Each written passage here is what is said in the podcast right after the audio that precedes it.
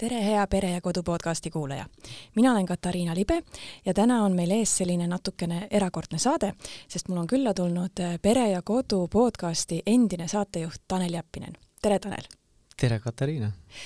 nii, meie saate pikemaajalised kuulajad kindlasti mäletavad sind ja, ja jutte sinu perekonnast, sest sa päris palju rääkisid ka ju enda elust saadetes. kindlasti nad tahaksid küsida, kuidas sul nüüd läheb ja kus saab sinu tegemistel silma peal hoida hmm.?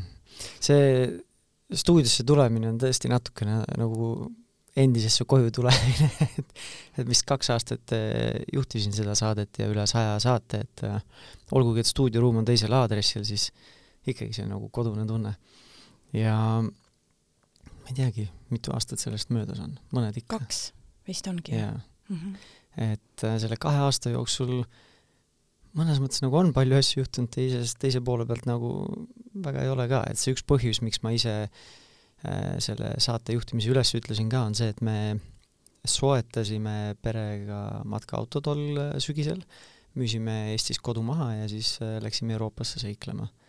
ja veetsime siis üksjagu ikka mitu kuud Hispaanias, enne kui see Covidi esimene laine tuli ja siis meid, meid tagasi Eestisse ajas.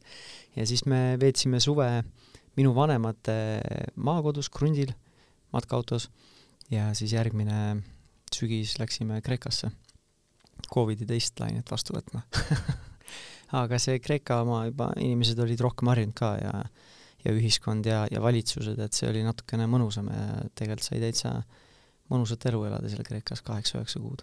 ja te olite terve aja matkaautos või? Äh, suure osa ajast jah, kui mina, mis ma kiiresti avastasin, oli see, et kui tahta tööd teha ja olla üheksal või kümnel ruutmeetril kahe väikese lapsega, koeraga, naisega ja mina, ja kui sellel, selles keskkonnas tahta tööd teha, siis see on natukene komplitseeritud.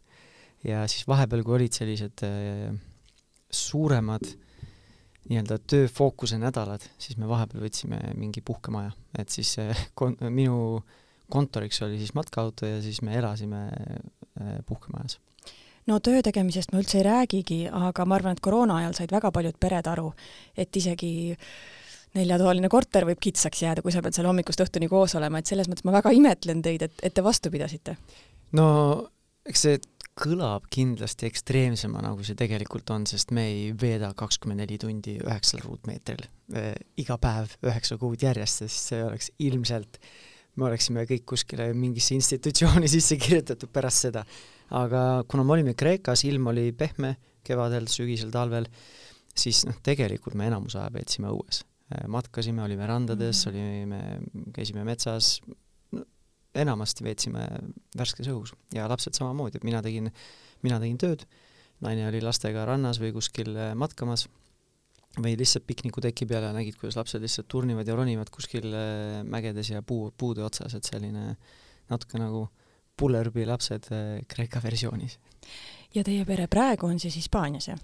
jaa, ma tegelikult just enne salvestuse algust rääkisin ka, et ma just kaks tundi tagasi tulin lennuki pealt me praegu veedame oma sügis-talv-kevad-hooaega siis äh, Kataloonias ja siis lendasin äh, Ryanairiga otselennuga siis Barcelonast äh, siia, siis sinuga rääkima ja siis ka väga eksklusiivne igal juhul. ja, ja. Aga sinu äh, vanem tütar on kaheksa-aastane, eks ole? või saab kaheksa? nüüd saab jaanuaris kohe, jah. see tähendab, et ta on kooliealine mm. -hmm. ütlesid enne, et ta on siis koduõppel mm. -hmm. minule kõlab see väga hirmutava ja suure ülesandena, aga kui, mida see tegelikkuses tähendab? no eks see saab erinevat moodi teha ja kindlasti, kui tegu oleks vanema lapsega, siis oleks see võib-olla natukene raskem või suurema kaaluga otsus ka. sest kuna ta on kõigest praegu esimeses klassis, siis esimene klass no, ma ei tea, ei ole nagu tegelikult midagi väga erilist ja suurt, et ta lugeda oskab, arvutada oskab, tal on suur huvi õppimise vastu ja, ja me sellist nagu koolipingis istumist selle esimese poole aastaga ei ole väga teinud, et nüüd me peame olema siin sellest kellast selle kellani siin söögilaua taga ja tuupima midagi. vaid pigem nagu hoiame ise õppekaval silma peal ja siis äh, vaatame, mis, mida on nagu vaja siia-sinna tuua.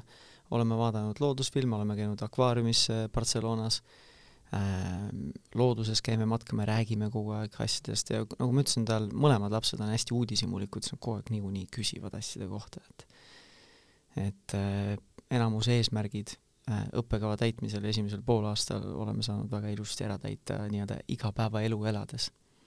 see kõlab küll nagu iga lapse unistus nojah, ega see ongi teadlik otsus, et me oleksime koduõpet teinud ka siis, kui me ei oleks läinud äh, Katalooniasse.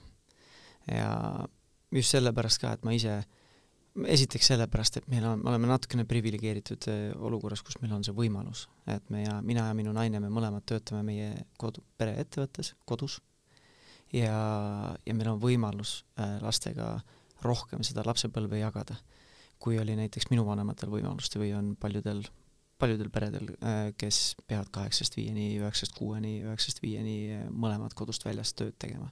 et selles mõttes me saame täiesti aru, et see on priviligeeritud see äh, olukord või situatsioon, kus me oleme, aga kui see võimalus juba on antud, siis kasutame seda täiel rinnal ära. sa oled tuntud kui vanemluse mentor. mida sa Eestis ringi vaadates oled tähele pannud, mis on need äh, komistuskivid või need kõige suuremad murekohad, millega Eesti lapsevanemad äh, rinda pistavad?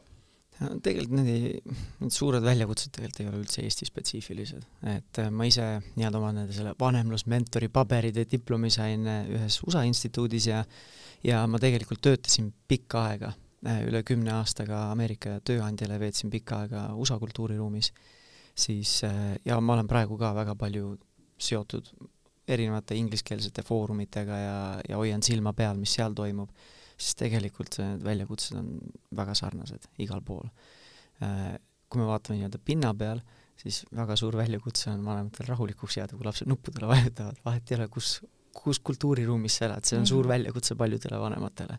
ja, ja ma ütleks, et see on natukene selline nii-öelda ajast eh, nii-öelda selles mõttes ajastunud, et see on nagu, ma ütleks, meie vanemad võib-olla olid silmitsi samasuguse väljakutsega, aga ma ütleks, meie põlvkonna lapsevanematel on see nagu veel nagu vunki juurde pannud, nagu steroidide peal seesama väljakutse, sest me kipume olema palju teadlikumad lapsevanematena ja läbi selle siis tegelikult me paneme endale ka palju rohkem pinget ja survet peale ja stressi peale ja kipume langema sinna süütunde lõksu, kui me ei käitu enda parimate aadete ja väärtuste järgi, sest me oleme inimesed ja vahepeal ikka eksime.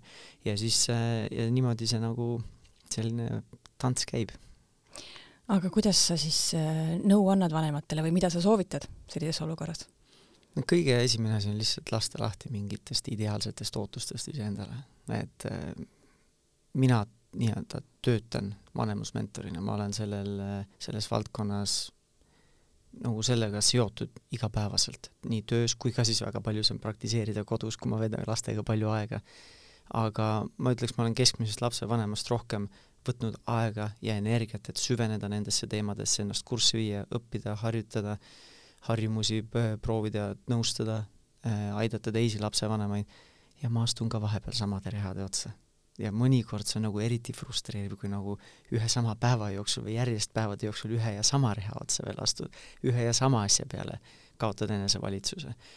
nii et mõnikord neid asju juhtub ja see on täiesti okei okay..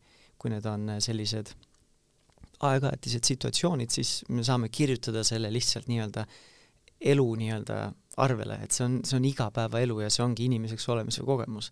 me keegi ei ole täiuslik. me kõik aeg-ajalt teeme inimlikke vigasid ja iga päev ei ole ka minu parim täpselt sama ju. kui mul on nii-öelda see tass on täis, mul stressi ei ole, ei ole tööstressi, ei ole suhtestressi, ma olen võib-olla hästi puhanud, mul on kõht täis, ma olen saanud palju värskes õhus olla, ma olen oluliselt vastupidavam igapäevastele stressiallikatele, mis eh, testivad minu kannatlikkust, minu empaatiat, minu kohaloleku võimekust versus näiteks, kui ma magasin kehvemini, ma olen nädal aega olnud mega, mega suures töö, tööstressi all, siis võib-olla partner midagi ütleb, mida ma tõlgendan ühte või teistpidi ja endale võib-olla negatiivselt, siis koer võib-olla, temal oli mingi asi, tal on näiteks jooksuaeg ja tilgutab mul seal kodu, kodu igale poole, on ju. ja siis nüüd laps tuleb ja kõige ebasobilikumal ajal nõuab mu tähelepanu või küsib mu tähelepanu, minu võimekus sellele paneme siis selle stressiallika siis jutumärkidesse, sest teises situatsioonis ei ole isegi stressiallikas, laps tahab mu tähelepanu.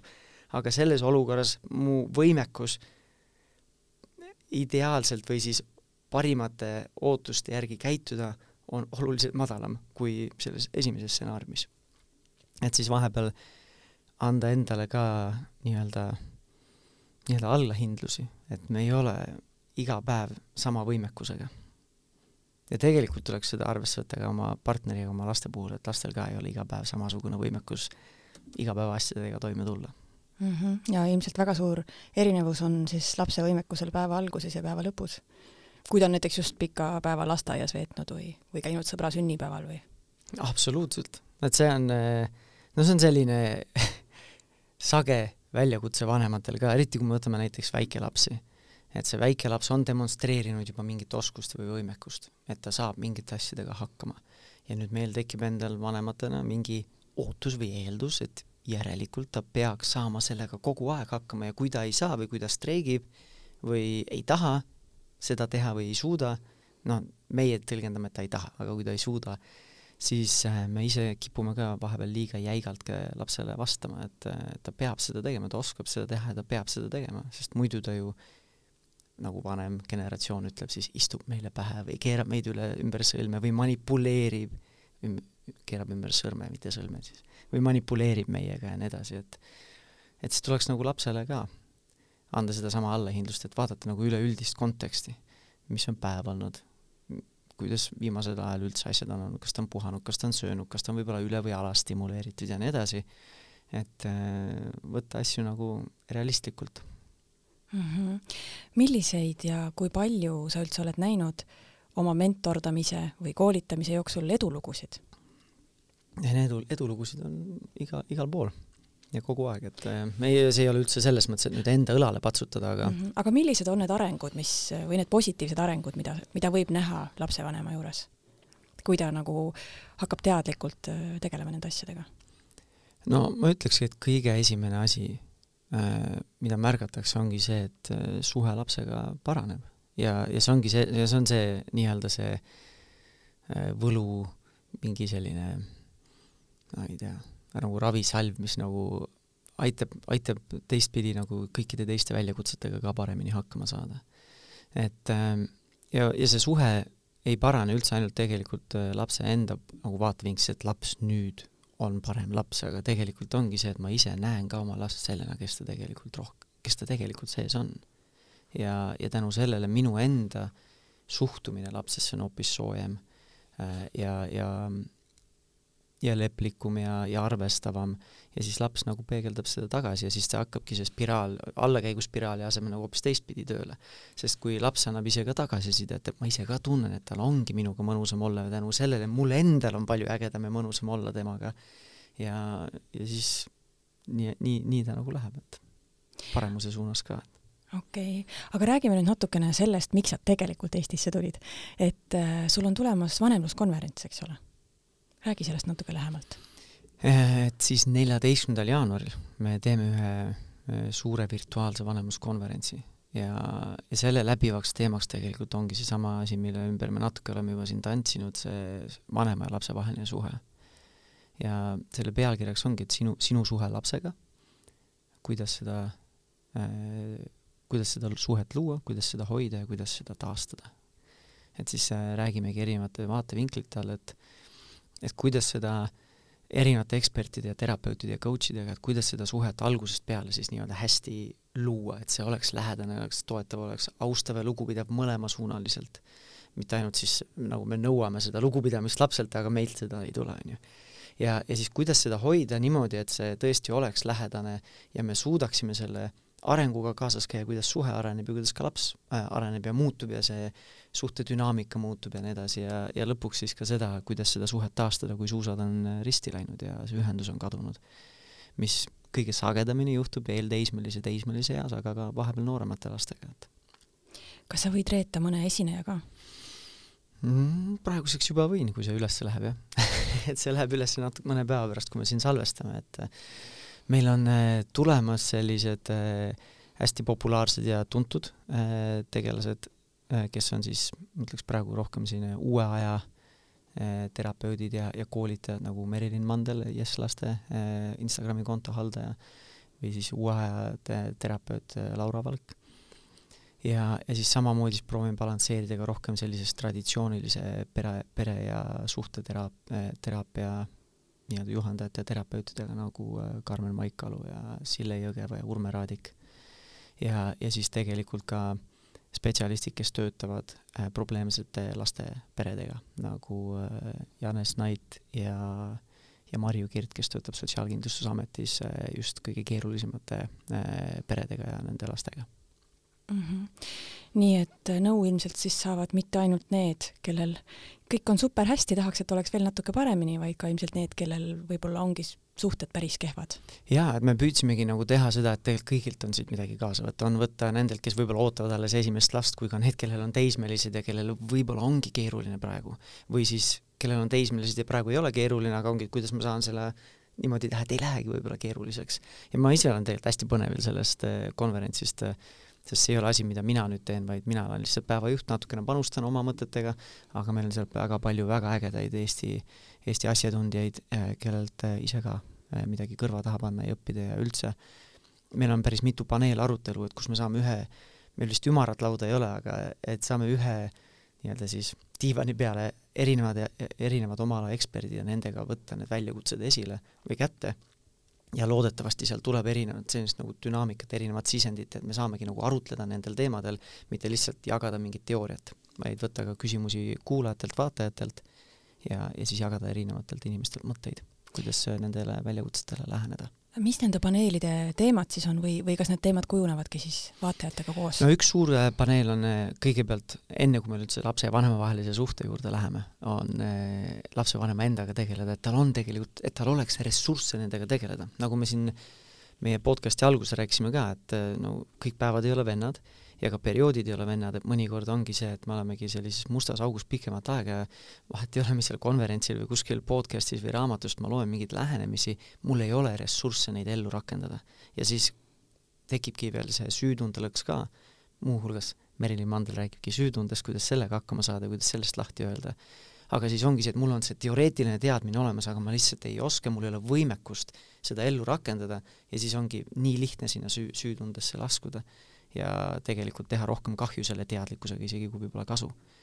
et see esimene, üks esimestest paneelidest ongi see, et kuidas siis seda läbipõlemist vältida ja kui sa juba oled läbi põlenud, et kuidas sealt välja siis tulla. ja, ja teine selline hästi suur paneel ongi siis lõpus just selle suhte taastamisega, kus meil on siis need Marju Kirt ja ja Janes Nait ja tegelikult ka Aivar Haller äh, siis oma mõtteid jagamas, kuidas siis nende noorteni ja, ja ka lasteni tegelikult jõuda, kui see ühendus on kadunud. Janes Nait on meile, meie ajakirjale jaganud ka oma lugu, ta on hoolduspere ema, eks mm -hmm, ole. nii et eh, kas ma saan õigesti aru, et eh, siis seda konverentsi võiksid kuulata ka need pered, kes kasvatavad enda juures siis mitte enda perest sündinud last? absoluutselt, ma ütleks, et eh, kui ise avatud meelega vaadata, siis on kaasa siit võtta praktiliselt kõikidest, kõikidel inimestel, kes tegelevad lastega. kas nad on, kasvatavad lapsi, enda omasid kasulapsi, eh, on kasuisad, eh, kasuvanemad, kasuemad, eh, on väikeste noorte lastega võib-olla isegi lapsed, vanemad, kes alles ootavad oma esimest last, kui ka teismeliste vanematel, aga miks mitte ka õpetajatel ja, ja hooldajatel ja treeneritel ja kasvatajatel, kes tegelevad igapäevaselt lastega. ja sest seal on täpselt samamoodi, ta ei ole nüüd vanema ja lapse vaheline suhe, aga see suhte alustalad on ikkagi samasugused, sest kui laps ei tunne no laps ei ole vastuvõtlik juhis, juhendamisele ja kasvatusele, siis vahet, kui laps ei ole vastuvõtlik, sest vahet ei ole, mida me teame ja, ja kui häid sõnu ja õpetusi me jagame, see lihtsalt on nagu hane selga vesi heal juhul, teismelistega mõnikord ka nagu õli tulle valamine hoopis. et äh, kõik, kes lastega töötavad äh,, samamoodi on seal üht-teist kaasa võtta. Ja kust siis saab infot selle konverentsi kohta?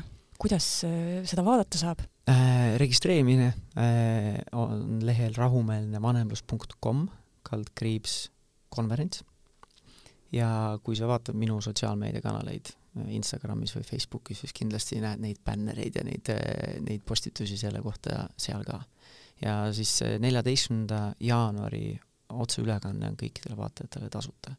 ja see on üks põhjus, miks me nagu teeme seda virtuaalselt, et jõuda tõesti nii palju vanemateni kui võimalik. Ja, ja teha, leidagi see balanss ka, et meie panustame enda tiimiga ja minu enda ettevõte panustab üle kümne tuhande euro, et see konverents ellu kutsuda. Äh,, nii produktsioon kui ka turundus ja nii edasi, et siis see, see otseülekanne on tasuta, aga salvestust me tasuta pakkuda ei saa, sest muidu me lõpuks oleme ise pankrotis ja peame ise hoopis kuskile mujale tööle minema, ei saagi seda, seda tööd, mis me teeme lapsevanematega nagu jätkata, kui kui ainult põletame raha aga see on siis nüüd äh, väga otsene üleskutse, et, et vaadake siis laivis tasuta, mitte mm, -hmm. mitte ärge jätke seda, ärge magage seda maha, et pärast tuleb maksta selle eest, jah? mõlemat, et selles mõttes, äh, kellel on võimalik, võib vabalt äh, maksta ja et saab salvestusi hiljem järele vaadata, sest lapsed kasvavad mm -hmm. olukorrad muutuvad, vahepeal on vaja värskendust saada ja ma olen vahepeal oma lemmikraamatuid mitu korda lugenud ja kui mingi vahepeal on näiteks pool aastat või aasta jäänud, ma olen hoopis teistsuguses kohas, hoopis teistsuguse meelsusega ja võtan hoopis teistsuguseid taipamisi kaasa, kuigi sõnad paberil on täpselt samasugused. või siis noh, need sõnad, mida ma audioraamatust siis kõrvaklappides kuulan, on ju. et siis äh, mõlemad, et äh, kui olete finantsilises olukorras, kus muud moodi ei ole võimalik, siis kindlasti lihtsalt leia see aeg. Äh, vaata, mis need olulised teemad sinu jaoks on ja tule live ja saa sellest tasuta, tasuta osa, sest me olemegi teinud selle tasuta otseülekande, et see jõuaks kõikideni, kellel on huvi selle vastu ja kellel on vajadus selle vastu sa mainisid enne süütunnet. ma arvan, et äh, iga ema teab, mis on see nii-öelda emadussüü ja me oleme sellest palju ka oma ajakirjas rääkinud, et emadel on ikka see tunne, et ükskõik, mis ma teen, ma, see pole piisav, alati võin ma leida põhjuse, miks ma ikkagi olen halb ema. Äh, kui palju tunnevad isad isadussüüd? no ega need isad ei ole ka mingid erilised äh, teistsugused loomad, et me oleme samamoodi inimesed ja, ja kui me oleme ise osavõtlikud lapsevanemad, siis see vanem, vanemlik süütunne ei ole nagu võõras ka meile, me lihtsalt võib-olla kogeme seda erinevalt, me protsessime emotsioone erinevalt, sõltuvalt, natukene sõltuvalt siis nii-öelda soostereotüüpidest, ühiskonna ootustest meestele, naistele, kasvatusele, kuidas meid on kasvatatud võrreldes äh, tütarlastega ja naistega. ja, ja võib-olla me tunneme süütunnet ka erinevate asjade pärast. et kui ma isadega olen rääkinud, siis äh, kõige suurem selline süütunne, süütunde nagu allikas või põhjus on see, et me lihtsalt ei veeda, ei veeda lastega piisavalt palju aega. või me nii, ei veeda nii palju aega, kui me tahaksime eh,. eriti kui me võtame nüüd väikeseid lapsi ja väikeste laste isasid ja sellist stereotüüpiliselt või traditsiooniliselt ema on see, kes arusaadavatel põhjustel jääb pigem lapsega koju eh,, sest tal on füsioloogilised eeldused ja eelised eh, isade ees, et lapse eest paremini hoolitseda siis äh, väga paljud isad äh, tunnevad seal sellist juba kahvlit, et juba algusest saati meil, meil ei ole nagu hea kaardikäsi jagatud, et me, isegi kui me väga tahaksime, siis meil on keerulisem äh, lapsega suhet luua ja ehitada.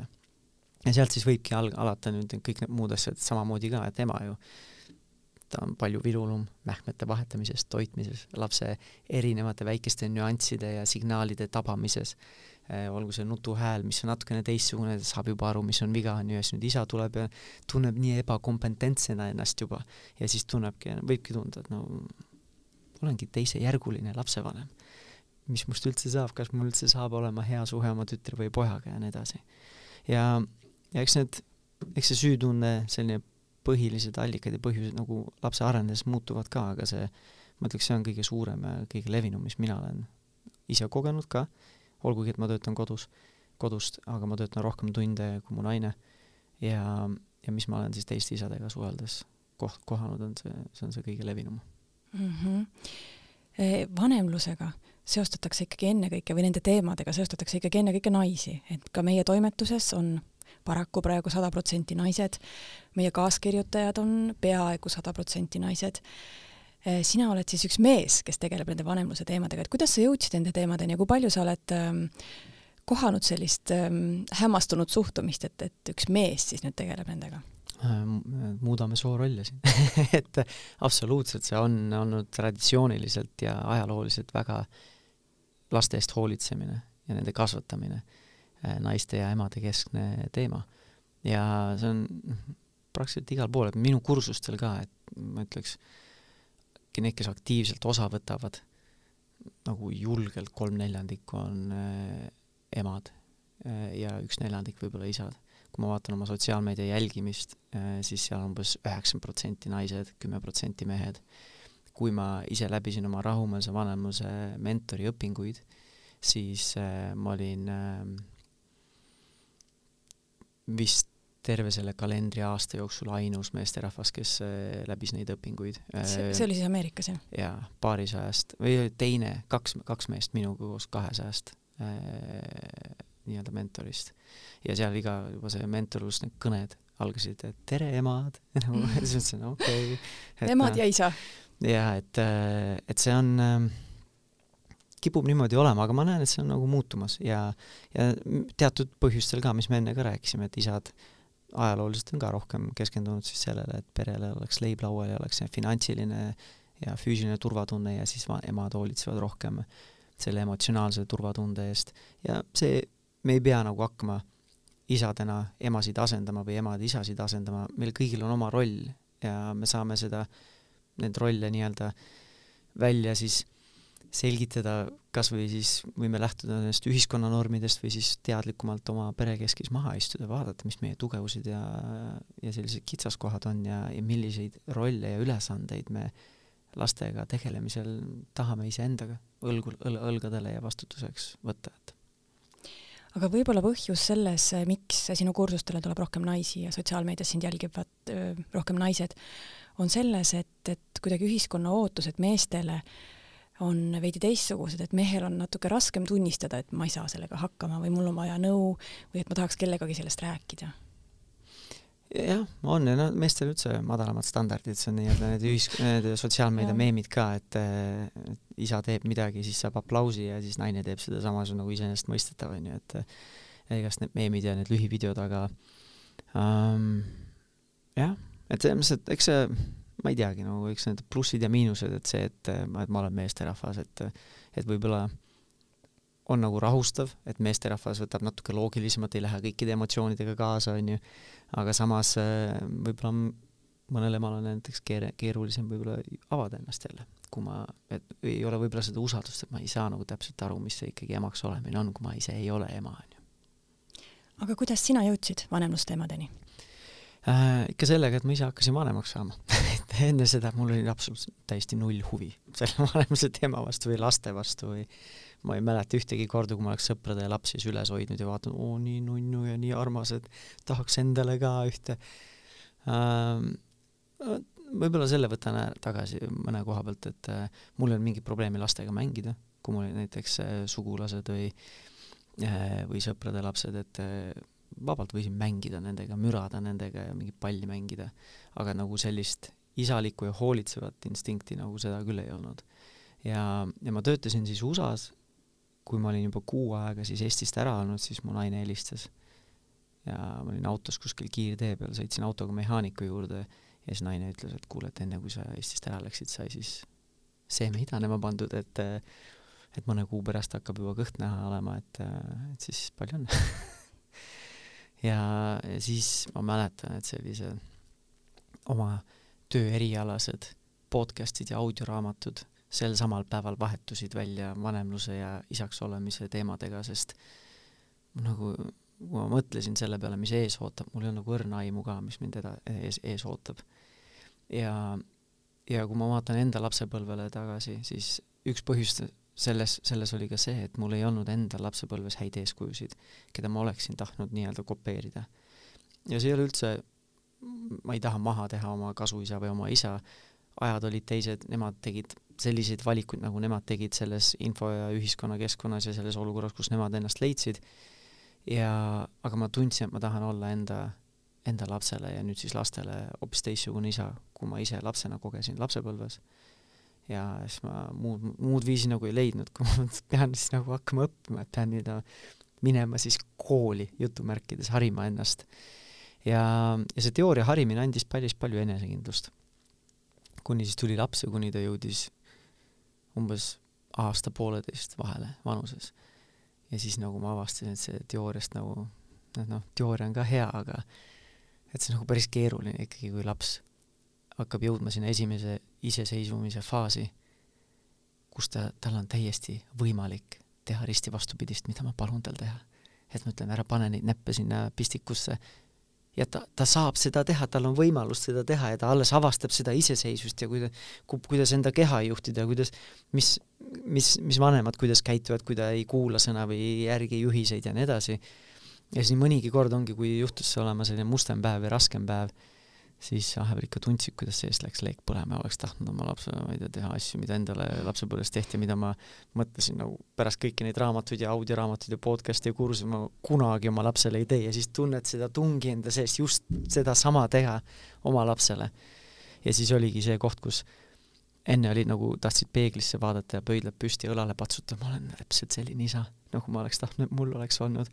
ja siis kukkusid sealt pilvedest kolinal alla, kui nii-öelda päris elu kätte jõudis ja siis sellega ma lõpuks jõudsin siis sinna vanemusmentori õpingutele, kus nagu läksime rohkem ikkagi sügavuti oma lapsepõlve mustritesse ja oma vanemate mustritesse ja, ja, ja kuidas neid siis nagu ümber kirjutada ja, ja muuta seda, milline isa ma tahan olla ja milline ma siis olen pigem loomupärasemalt nüüd. sealt siis tekkis ähm, isu hakata seda õppima nagu enda jaoks, aga kuidas siis toimus see pööre, et sa hakkasid ka teisi õpetama? Ei noh, kui silmad lahti olid ja ma olin hästi palju erinevates foorumites nii või teisiti, siis need väljakutsed, mis mul olid, no need ei ole üldse unikaalsed minule, et need on nagu kõikide lapsevanemate, kõikide lapsevanemate äh, väljakutsed ja, ja üks asi, mis mulle esimese paari aastaga selgeks sai oma lapse elust, oli see, et et ma väga-väga tahan rohkem aega veeta koos oma pere ja oma lapsega. Äh, just varases lapsepõlves, kui ta tegelikult veel on vastuvõtlik sellele mõjule, sest äh, ma ei ela ka ju roosade prillidega, et kui lapsed saavad vanemaks, nad järjest rohkem hakkavad orienteeruma oma sõpr-, sõpradele ja, ja, ja teistele inimestele. et see aeg, mis meil, see üürika aeg, need, aastad, mis meile on antud, et siis veeta rohkem aega lastega ja perega. ja, ja kõige lihtsam viis või mitte lihtsam, aga selgem viis, mida ma nägin, et kuidas see oleks võimalik, on see, kui ma oleksin iseendale tööandja ja, ja siis ma sealt nagu need hakkasid mosaiigitükid kokku tulema, et hästi, aga ma lõpetuseks küsiks äh, võib-olla sellise skeptiku küsimuse, et, et kuidas siis nüüd järsku on vaja koolitada seda lapsevanema või inimesi selles osas, et olla lapsevanem, et, et inimesed on ju aastatuhandeid olnud lapsevanemad. kui palju sult üldse küsitakse seda? ikka küsitakse ja tegelikult ma ütleks, et üldiselt ei peakski, kui me oleme väga heas kontaktis iseendaga äh, ja, ja oma rolliga ja, ja suudame ennast hästi reguleerida, aga nagu tuleb välja, et tegelikult meil on päris suuri väljakutseid ja väga palju nendest tegelikult tulevadki tänapäeva ühiskonnast, mis on need surved peale pannud. ja kui me vaatame lihtsalt natukene absurdselt, võtame näiteks koopainimese ajast, no ema, isa, laps, nad veetsidki kogu aeg koos. mis oli, ongi see, kuidas me oleme geneetiliselt ja evolutsiooniliselt loodud kasvama koos ja lapsi kasvatama mitte ainult ema, isa ja laps, aga ka tegelikult see kogukond seal ümber, kes panustas sinna. ja, ja kui me vaatame inimkonna seda evolutsioonilist arengut, mis on mõni miljon aastat tänase päevani, sellest, kui me olime siis eh, homo sapiens, siis need muutused, mis ühiskonnas on toimunud viimase saja aasta jooksul, tööstusrevolutsioon, tehastes töötamine, kaheksatunnised tööpäevad, kodust väljas töötamine, ja siis nüüd see, kogu see infotehnoloogia areng, see on viimased sada aastat ja kui me paneme selle evolutsioonilisele ajateljele, see on nagu üks nips ja ongi kõik, evolutsiooniliselt. ja meie aju, meie psühholoogia ei muutu nii kiiresti, kui need muutused, mis meie ühiskonnas toimuvad, on. ja, ja sealt tulevadki need käärid ka, et meie need ühiskonna muutused on olnud nii kiired, need nõudmised meile on nii palju suuremad ja nii palju teistsugusemad ja see, juba see muutus tekitab stressi. et siis äh, siis ikka natukene on midagi vaja teistmoodi õppida tegema. ja see ei olegi see, et ma tegelikult ise ka ei õpeta väga seda, et mida sa nüüd pead ütlema selles kohas lapsega, vaid me läheneme tegelikult väga holistiliselt ja alustamegi just sellest, mis su konverentsi teema on ka. et kõigepealt saa iseennast korda ja siis suhe lapsega. ja kui need kaks asja on korras, siis no ülejäänud asi tuleb väga lihtsasti nagu no.. Aga nende kahe asjaga peab tööd, tööd, tööd tegema ja teadlikult lähenema nendele teemadele ja jumala äge oleks, kui ei peaks tegema seda tööd, siis kõik oleks äge. vanemad saaksid oma asjadega hästi hakkama ja kui me jõuame sinna, siis ma sellepärast ei muretse, et mul ei ole leiba lauale tuua, küll ma leian mingi muu viisi, kuidas las-, leib lauale tuua. aga siis kui äge oleks meie järgmiste, järgmise põlvkonna, meie laste põlvkonna ühiskond, kui meie, meie vanematena saame oma asjadega hästi hakkama, kui meie lapsed on empaatilised, kaastundlikud, teistega arvestavad, emotsionaalselt kompetentsed, see oleks nagu suurepärane, kui me suudaksime sellise pagasi enda lastele edasi anda, küll ma leian muul, muu viisi, kus oma, oma, oma raha teenida, oma, oma perekonda toita, aga see oleks unistus lihtsalt. ja see on asi, mille pärast me teeme, et seda asja, et mina näen enda pere tulevikku ikkagi Eestis, olgugi et meile meeldib praegu reisida, sest lapsed on noored. ja, ja natukene selline mm, üks väärtustest, mil, miks ma seda tööd teen, on ka see, et mu laste eh, see põlvkond oleksid hoolivad ja kaastundlikud ja empaatilised, et nendel oleksid ägedad ja võimekad sõbrad, kes arvestavad teistega ja kes lahendavad meie ühiskonna probleeme, mis iganes need siis nende, nendel olemas on, et nad on võime, võimelised koostööd tegema. ja, ja muud moodi ma nagu ei ole leidnud seda muutust luua, kui siis alustada vanematest, kes neid lapsi kasvatavad, kes minu lastega ühiskonda kunagi vedama hakkavad. Hästi, nii et neljateistkümnendal jaanuaril vaadake siis online'is. aga ma küsin veel, et kus sinu tegemistel saab silma peal hoida ja kui kedagi hakkas huvitama võib-olla mingi pikem mentorlus või koolitus, kas sa oskad selles osas ka nõu anda äh,? kõige lihtsam on võtta minuga ühendust äh, sotsiaalmeediakanalites, kas Instagramis või Facebookis äh, või siis kirjutada mulle ja kursuseid praegu äh, lähiajal ei plaani teha. Meil on üks selline toetav vanemate kogukond nagu Rahumeelse Vanemluse Raamatuklubi äh,, kus meil on üle tuhande lapsevanema ja, ja sinna me võtame uusi liikmeid aeg-ajalt vastu küll, et kõige lihtsam, otsi Instagramis või Facebookis mind üles ja siis saad kogu info kätte, mis parasjagu toimub ja ja seal me jagame nii või teisiti jällegi tasuta nõuandeid, proovime vahepeal meelelahutuslikus võtmes, sest see on viis, kuidas tänapäeval üldse tähelepanu ju saada, et hästi, aitäh, Tanel, et siia tagasi tulid korraks! aitäh sulle ka ja aitäh kõikidele kuulajatele! Jah, ja edu sulle siis konverentsiga! aitäh, kuulajad, et meid ära kuulasite ja loodan, et olete kõik siis neljateistkümnendal jaanuaril platsis. meie järgmine saade on üleval nädala pärast